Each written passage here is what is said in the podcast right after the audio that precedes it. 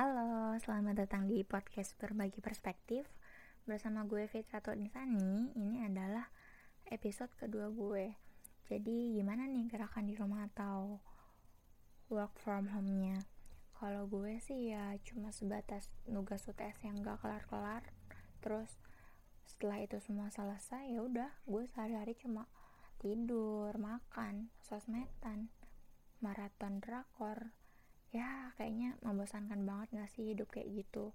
Mengingat kita suka banget ketemu sama dan sosialisasi sama banyak orang. Bahkan gue aja berselang tiga hari diliburkan kuliah waktu itu gue udah ngerasa gabut nggak karuan gak karuan karena ya gue tipikal orang yang nggak suka buat di kos atau di rumah aja sih.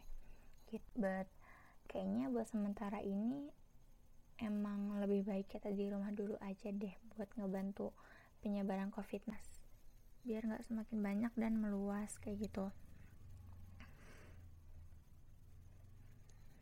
Hmm, di sisi lain gue sedih banget sih soalnya adanya covid ini tuh berdampak luas banget sama banyak sektor. Di sisi lain gue sedih banget sih soalnya adanya covid ini tuh mempengaruhi banyak banget hal. Dari mulai interaksi kita yang udah nggak kayak biasanya sama orang-orang terus egoisme yang juga meluas karena orang-orang banyak yang menimbun barang kayak misalnya kemarin uh, gue tuh coba cari masker karena gue mau balik kan ke Jakarta waktu itu.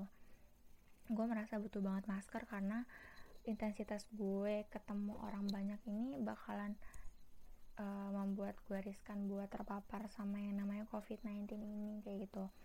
Makanya gue waktu hamin satu balik itu coba keliling-keliling ke apotik di dekat kosan gue dan itu tuh bener-bener nihil gitu loh. Padahal apotik yang gue datangin tuh banyak banget. Sekitar hampir 10 apotik dan itu tuh bener-bener gak ada. Bahkan sebenarnya gue gue nemuin sih di satu apotek tapi harganya tuh bener-bener gila gitu loh. Dari yang awalnya harga normal masker itu paling ya cuma 2000an gak sih? Sampai waktu malam itu tuh gue nemuin dengan harga 25 ribu yang wow gila banget. Cuma cuma untuk sebuah masker tapi harganya 25 ribu kayak gitu. Ya itu salah satu contoh sih uh, egoisme yang meluas. Karena banyak orang yang menimbun dan nggak peduli gitu loh sama kepentingan yang lain kepentingan orang-orang yang sekiranya mungkin lebih membutuhkan atau orang-orang yang emang rentan karena sakit dan rentan menularkan ke orang lain kayak gitu.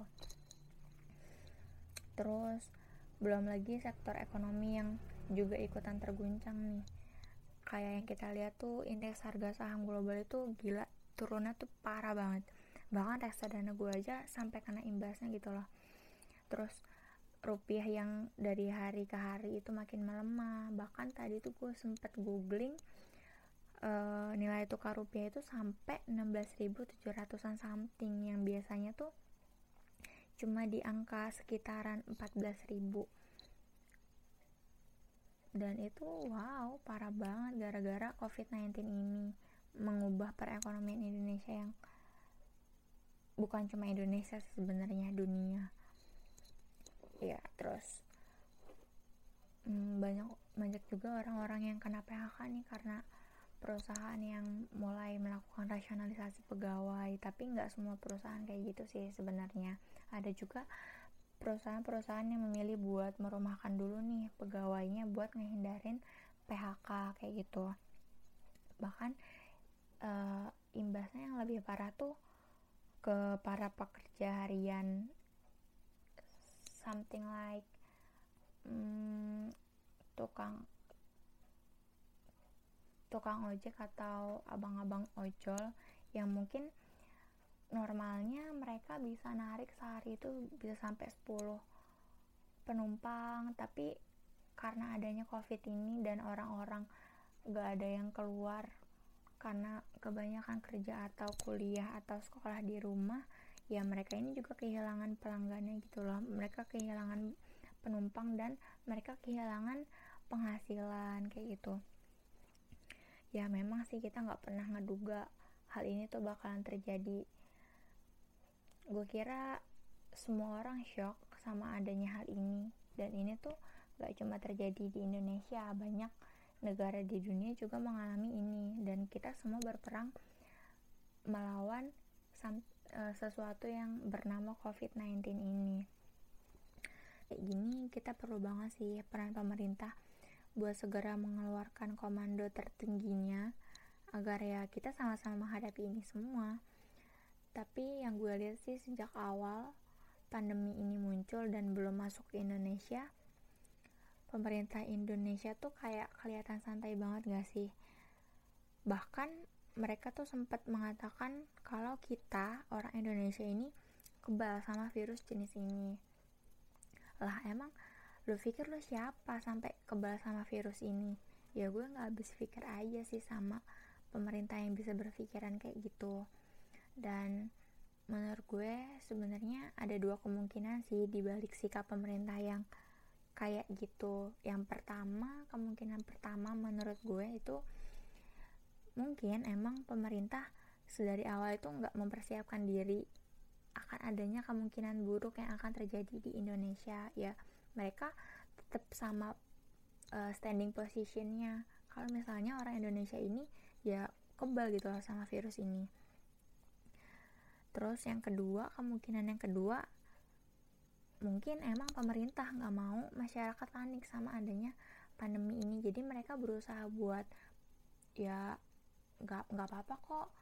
Ini nggak bakalan terjadi apa-apa. Dan mereka berusaha menenangkan masyarakat dengan kata-kata manis. Kalau misalkan kita tuh kebal sama virus ini dan something about it kayak gitu. Tapi asumsi gue sih mungkin lebih ke kemungkinan pertama ya melihat uh, respon pemerintah yang sangat-sangat slow respon sama hal ini padahal kita di di kondisi yang urgent gitu loh. Kita tuh butuh penyikapan yang cepat dari pemerintah biar pandemi ini nggak semakin meluas dan makan korban banyak kayak gitu padahal ya seharusnya negara tuh dari awal udah harus menyiapkan diri melihat penyebaran virus ini terjadi hampir di sebagian besar negara di dunia. Makanya kayak terlihat sangat-sangat bodoh sih misalkan emang beneran berpikiran kita tuh kebal sama yang nama sama virus ini gitu. Mungkin flashback dikit ketika kasus pertama muncul gue inget itu di awal Maret baru deh tuh pemerintah mulai bergerak. Dan I think terlalu lambat gak sih itu pemerintah bertindak ketika ada kasus ditemukan di Indonesia? Kenapa nggak dari awal gitu loh mereka tuh mencoba buat cari-cari alternatif kemungkinan buruk yang bakalan terjadi di Indonesia? Biar ketika emang itu beneran terjadi kita udah punya alternatif-alternatif itu kayak gitu. Tapi pemerintahan kita tuh nggak kayak gitu. Ya gue nggak heran sih kenapa Indonesia tuh masih stuck terus jadi negara berkembang ngeliat kelakuan-kelakuan pemerintah yang seperti itu. Nah terus balik lagi ke topik tadi ketika kasus pertama muncul uh, terus disusul sama kasus-kasus lain yang mulai bermunculan di beberapa daerah terus lama kelamaan makin meluas makin banyak makin banyak yang terpapar dan sebagainya sampai akhirnya uh, hari ini tuh terhitung hari ini tanggal 4 April itu tuh menurut data kasus positif corona atau COVID-19 ini udah mencapai 1980-an something. Dan yang mengerikannya lagi tuh bahwa angka kematian di Indonesia ini hampir 10% atau sekitar 180 orang yang itu artinya hampir 10% lebih tinggi dari angka kesem kesembuhan lebih tinggi dari angka kesembuhannya. Dan satu hal yang mesti lo garis bawahi itu adalah bahwa itu tuh baru angka yang kedata. Lo bisa bayangin gak sih seberapa banyak kasus di luar sana yang belum kedetek mengingat penyebaran penyebaran virus ini tuh yang sangat-sangat mudah gitu di negara padat penduduk ini. Dan menurut gue wabah ini tuh sangat-sangat urgent buat segera ditangani sama pemerintah. Why? Kenapa gue bilang wabah ini tuh sangat-sangat urgent buat segera ditangani sama pemerintah? Jadi gue punya lima alasan. Yang pertama itu karena penyebarannya yang sangat mudah. Terus yang kedua itu Indonesia tuh penduduknya banyak banget coy. Apalagi di Jakarta ya yang kalau misalkan lu masuk KRL aja tiap hari bejubel banget sampai nggak bisa nafas. Dan ini tuh sangat riskan yang ketiga karena belum ada vaksinnya. Jadi ketika lo keinfeksi ya itu emang belum ada obatnya gitu loh. Apalagi di Indonesia ini angka kematian itu sangat-sangat tinggi. Terus yang keempat itu karena kemampuan dan kapasitas uh, tenaga medis kita tuh yang menurut gue gak cukup buat menangani kasus dengan jumlah yang sangat besar. Katakanlah ketika emang e, pemerintah ini gak segera menangani hal ini dan suatu suatu hari nanti tapi nauzubillah kasusnya ini bakalan meledak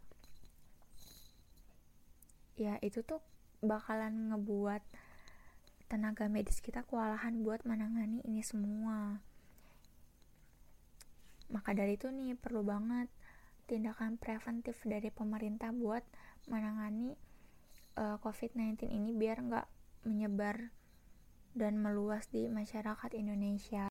Uh, terus menurut gue yang alasan yang kelima, karena ketika kasus positif ini makin banyak, maka penanganan dan penghentian penyebarannya tuh logikanya makin lama dan hal ini tuh akan berdampak pada lumpuhnya ekonomi yang makin meluas. Mengingat penduduk Indonesia itu mayoritas ke kelas menengah ke bawah dan paling banyak dalam garis kemiskinan yang itu berarti rawan banget tuh buat jatuh miskin. Maka dari itu untuk mengantisipasi hal-hal tersebut terjadi maka ya wabah ini tuh harus segera buat ditangani sama pemerintah